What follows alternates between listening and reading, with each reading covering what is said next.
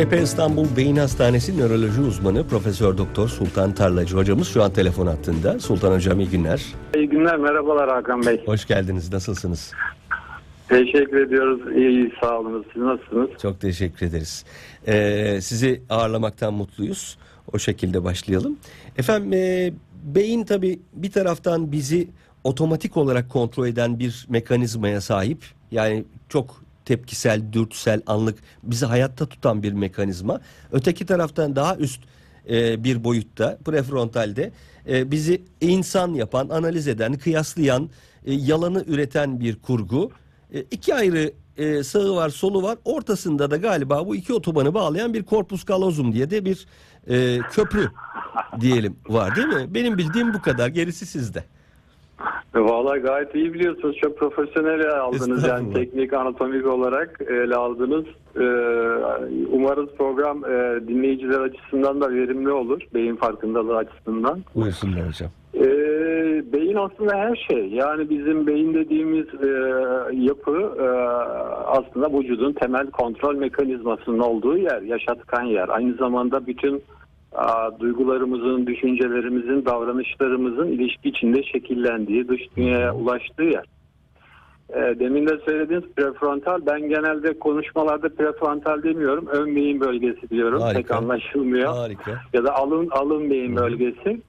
Aa, tabii alın beyin bölgesi bizi insan olarak yapan ve diğer primatlar ya da kuyruksuz maymunlardan ayıran en önemli yer. Yani aslında bu şey vardır ya söz insanı kamil yani iyi insan, Hı hı. örnek olabilecek insan. Ee, bütün bu iyi özellikler neyse insanı kamilde, iyi insanda hepsi prefrontal bölgeden kaynaklanıyor. Mesela şefkat, kendini başkasının yerine koyup onun gözünden bakabilmek ve onun acısını paylaşabilmek, ona empati kurabilmek, ahlaki kural ve toplumsal normlara uymak, sanat ve estetik algısı, bütün bunların hepsi ve birçoğu aslında tamamen beynimizin ön kısmında yer alıyor. E, Hatta hatta bu Descartes'in dediği düşünüyorum öyleyse varım. Bizim düşünce merkezimiz, merkezimiz bu beynimizin ön kısmı. Gelecekle ilgili olmayan gelecekle ilgili plan yapmamızı sağlar. Geçmişteki anılarımızla onları bir araya alıp e, hayal kurarız ve senaryolar oluştururuz gelecekle ilgili işlerinden hangisi bizim için daha uygun, hangisi hataya e, gider o şekilde bir seçim yapmamızı Peki sağlayan hocam derler ki e, prefrontal. Blue çağıyla beraber galiba prefrontal ya da ön beyin e, gelişimini tamamlar derler. İşte bu yüzden hoş görülür çocukların yaptığı daha çocuk denir. Reşit olmamış denir. Doğru mudur hocam bu? Çok doğrudur. Şöyle bir durum var. Ee, insan beyninde en e, geç olgunlaşan beyin bölgesi. Hı hı. Ee, beynin olgunlaşmasını gösteren bazı e, sinir bilimsel ölçütler var. Bu sinir bilimsel ölçüt, sinir bilimsel ölçütlere bakıldığı zaman aslında prefrontal dediğimiz beynin ön bölgesi bu karar verme, işte doğruyu yanlıştan ayırma, e, toplumsal normlara uyma ve e, aslında reşitlik yaşı denen hukuktaki o aşamaya ulaşma yaşı e, 21 yaş nörobilimsel olarak. Yani hukuksal ve toplumsal olarak bir, tabii 18 yaş reşitlik yaşı alınsa da aslında beyin açısından bakıldığı zaman bu 21 yaşa varıyor. Hatta hatta bu bazı çalışmalarda kız çocuklarında ya da kadınlarda 21 yaş, erkeklerde 24 yaşa kadar ulaşıyor. Beynin ön kısmının matüre olması, yani Hmm. olgunlaşması ve fonksiyonunu tam olarak görmesi. E, Ama ondan önceki yaşlar mesela dediğimiz bu ergenlik işte ve delikanlılık, teenage dedikleri dönemde beynin bu kısmı çok olgunlaşmamış. Yani maturasyonunu, fonksiyonunu tam kazanmamış. Dolayısıyla daha çok e, mantıksal kararlar değil de e, duygusal kararlar öne çıkıyor ergenlikte ve sonraki döneminde. Hatta bununla ilgili çok e, ilginç istatistikler var. nedir? Mesela beynin ön kısmı çok matür olmadığı için, olgunlaşmadığı için mesela 13-17 yaş aa, en çok madde bağımlılığının ortaya çıktığı yaş, başladığı yaş. Hı hı. Aa, onun dışında mesela biliyorsunuz terör örgütüne katılımın en çok olduğu yaş. Çünkü e, planlama, karar verme süreçleri zayıf olduğu için e, duygusal bir e, yönelim daha baskın olduğu için e, maalesef işte Kolay devşirilebilir oluyorsunuz yani. Kolay devşiriliyorsunuz. evet, evet, evet, evet, evet. Bu, bu yaştaki tabii çocuklar daha çok duygusal davranıyorlar biliyorsunuz. Onun için Evet. Kararlarını değiştirmek mantıkla çok zor olabiliyor. Yani siz ne kadar mantıksal anlatsanız da beynin mantık bölgesi ona cevap vermediği için ya da olgunlaşmadığı için mantıksal argümanlarla geriye çevirmek zor oluyor. O durumlarda da daha çok duyguyu kontrol eden ödül ve ceza sistemini kullanmak gerekiyor. Peki sağ beyin sol beyin hocam. Bu çok popüler konulardan biri son yıllarda. Sağ beyin ne yapar, sol beyin ne yapar? Valla o sağ beyin sol beyin olmadan hayat olmaz. Sonuçta şükür iki tane beyin yarı küremiz var. Ee, şöyle bir durum var. Yani beynin belli alanları e, fonksiyon işlevsel olarak e, uzmanlaşmış. Bizim e, sol beyin dediğimiz yarı küremiz e, daha çok algoritmik ve sıra düzen çalışır. Bilgiyi arka arkaya oluşturarak bir karar verme süreci yapar. Aa, sol beyin aynı zamanda kurallar zinciri üzerinden çalışır bu, bu sebeple ve e, bir fikre saplantılıysanız e, bu fikir aslında sol beyinden olur. Bu bir ideolojik bakış olur, dini bakış olur. Hep soldan kaynaklanır. Çünkü belli zincirlerle bunu oluşturursunuz ve o zinciri değiştirmek, e, inançları, o tür inançları değiştirmek çok zor olur sol beyin baskın olanlarda. Aa, ama sağ beyin biraz daha şeydir böyle esnek, estetik, duyguları daha ön plana çıkaran, Sanatçı beyni mi? dediğimiz bütüncül. Efendim? Sanatçı beyni mi biraz sağ beyin? Aa, Kabaca. Evet, sanatçı beyni ve duygu beynidir sağ beyin. Baskın sağ beyni olanlar ya ki bunlar genelde bir kısmı sol elini daha çok solak olarak kullanırlar. Bunlarda tabii ki sanatçılık oranı çok daha yüksektir. Estetik algı oranları çok daha yüksektir. Ee, ideolojik ya da saplantılı düşünceleri pek olmaz. Genelde holistiktirler ve böyle e, bir yerden bir yeni bir şey gelse de ben ona göre yeni bir şey e, zihin dünyasına kavuşsam şeklinde bakış açıları vardır. Çok rahat bakış açılarını değiştirirler. Daha empatiktirler. Ama tabii ki bizi biz yapan iki beynin bir arada çalışması. Yani tek başına sol beynimiz ile e, varlığımızı sürdürmemiz zor. Çünkü duygusal ve diğer yönlerimiz de sağ beyin için gerekiyor. Ama buradaki şöyle bir bakış açısı var. E, çocuklar doğduğu zaman sağ beyin ağırlıklı çalışırlar. Yani e, şöyle bir şey var. Sağ beyin zamansızdır, mekansızdır. Ama sol beyin egemenliği işte eğitimle şunla bunla zamana mekana sınırlanır. İşte dersin süresi vardır, sabah öğlen akşam iş düzeni vardır. Aa, bir süre sonra kişi sol beyinli hale getirilir maalesef. E, o zaman ha, eğitim e, sol beyni baskın kılıp e, biraz aslında siz böyle söylemek istemiyorum ama hani daha kibar bir yolunu arıyorum. E, sizin üretkenliğinizi, hayal gücünüzü toplum bir anlamda sekteye mi uğratıyor sizi sol beyine doğru iterek eğitim sisteminde? Evet ben bunu hep savunmuşumdur. Yani mesela bizim e, çocuk e, ilkokula giderken hocası şöyle diyordu. Zamanı kullanmasını tam henüz bilmiyor. Planlamayı bilemiyor. Halbuki o sağ beyin egemen çocuk. Yani daha henüz e, o kurallar zincirini oluşturmamış. Serbest bir zihin yapısına sahip. Eğitim sistemi e, fark ettiğiniz gibi ya da güzel cümlelerle yorumladığınız gibi yani aslında her insanı bir e, Einstein erkeği, kızları da Marie Curie yapma çabasında. Halbuki e, bazılarımız asla Einstein ve Marie Curie olamayız. Sanatçı ruhlu oluruz, tiyatro yaparız Evet. ya da e, yaratıcılığımızı farklı alanlarda kullanırız. Yani e, aslında Türkiye'de de bazı okulların eğitim sistemlerinin kendi programlarında da sağ beyin ağırlıklı yaratıcı düşünce, üstten bütüncül bakış, dramı ve sanatı öne çıkarma şeklinde eğitim destekleri oluyor okullarda ama bu hep e, genelde zayıf kalıyor. Yani tüm dünyada eğitim aslında sol beynin e, eğitimine algoritmik, sıra düzen, basamaklı giden, e, nedenlerden sonuca ulaşan e, bütüne üstten görmeyi zorlaştıran bir eğitim e, sistemi ortaya çıkıyor. Hocam çok acayip bir soru sorabilir miyim müsaadenizle? E, beyin için hiç acayip bir soru yoktur. Her soru Harika. Şimdi ortadaki o e, tam ne işe yaradığını bilmediğim ama muhtemelen sağ ve sol beyin arasında bilgiyi transfer ettiğini düşündüğüm korpus callosum denen yapı var ya. Hani onu Evet. kaldırsaydık ve tek bir beynimiz olsaydı biz e, nasıl bir varlık ol- olurduk? Bu sorunun yanıtı var mı? Var var. 1960'lardan beri bu yanıtı biliniyor. O corpus callosum Evet. dediğiniz Evet. yapı aslında e, anlaşılır söyleyelim. Büyük beyin bileşkesi diye geçebilir Türkçe olarak. Aa, beynin iki yarı küresini birbirine bağlıyor ve e, 200 milyon lif var orada sinir lifi. Sağ 200 beyni sol milyon. yarıya solu sağa bağlıyor.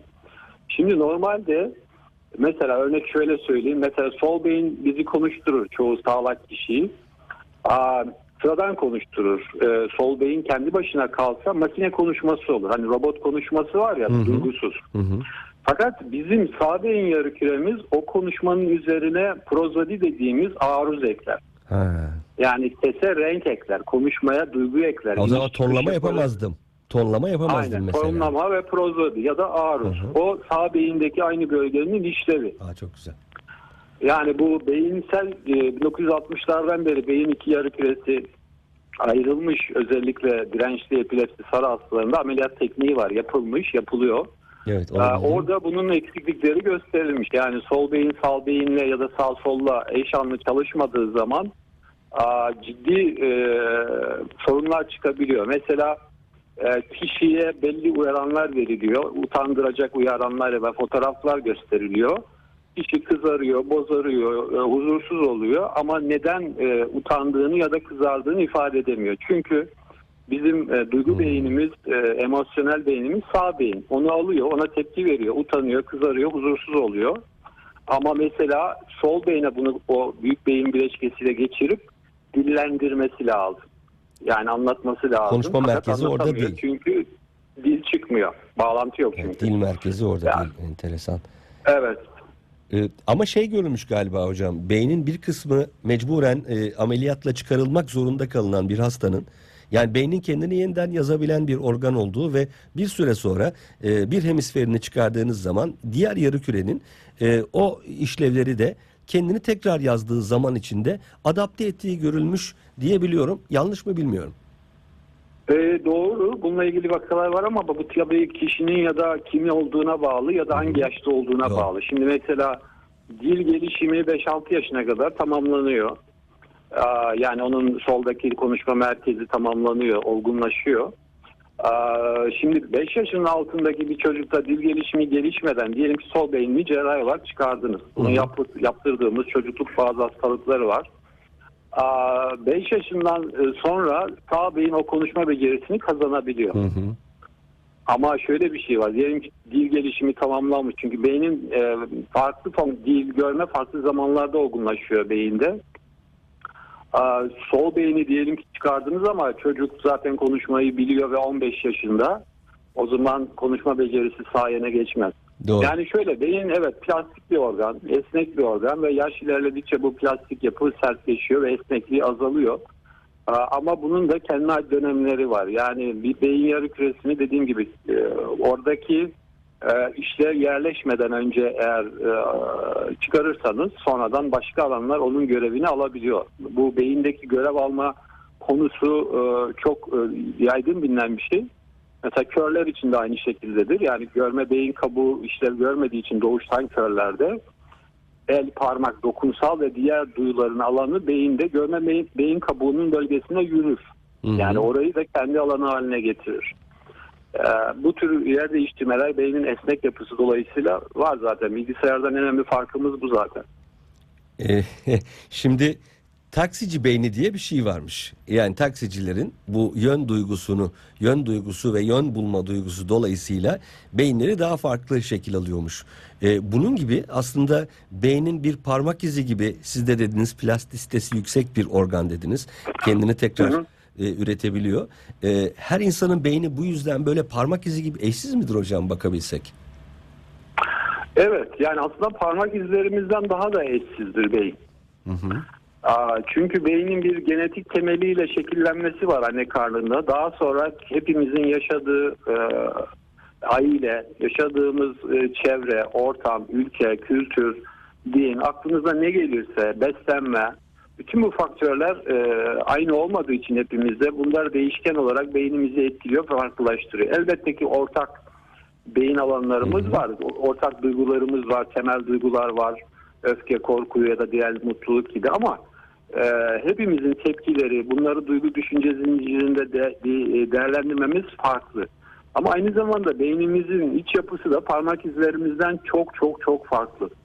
E, çünkü 86 milyar ya da 100 milyar beyin hücremiz var, sinir hücresi.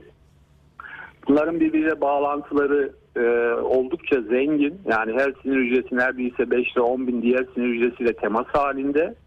Böyle düşündüğünüz zaman eş bir beyin bulmak imkansız. Yani bütün hepimizin beyni farklı. Bu bahsettiğimiz e, taksi sürücü beyni e, aslında her mesleğin kendine ait bir beyni vardır. Doğru. Kemancının beyni de kendine özgüdür. Taksi sürücülerin beyni de kendine özgüdür. Taksi sürücüleriyle ilgili yapılmış Londra'da 10 yıldan uzun taksi sürücülüğü yapanlarda mesela onlar da beynin navigasyon dediğimiz kendini konumlandırma, haritalama bölgesi hipokampüs dediğimiz bir yer. Burası e, 10 yıldan fazla sürücülük yapanlarda daha büyük bulunmuş. Ama aynı şey kemancılarda da var. Kemancılar işte sol elinin parmaklarını kullandıkları için tele basmak açısından onların da sağ beyin yarı küresinde el parmak bölgeleri çok daha geniş ve büyük bulunmuş. Şimdi kemancı Ha, dediğiniz tabii- zaman evet. Hı. E, aklı- Lütfen, buyurun. aklıma hemen şey geldi.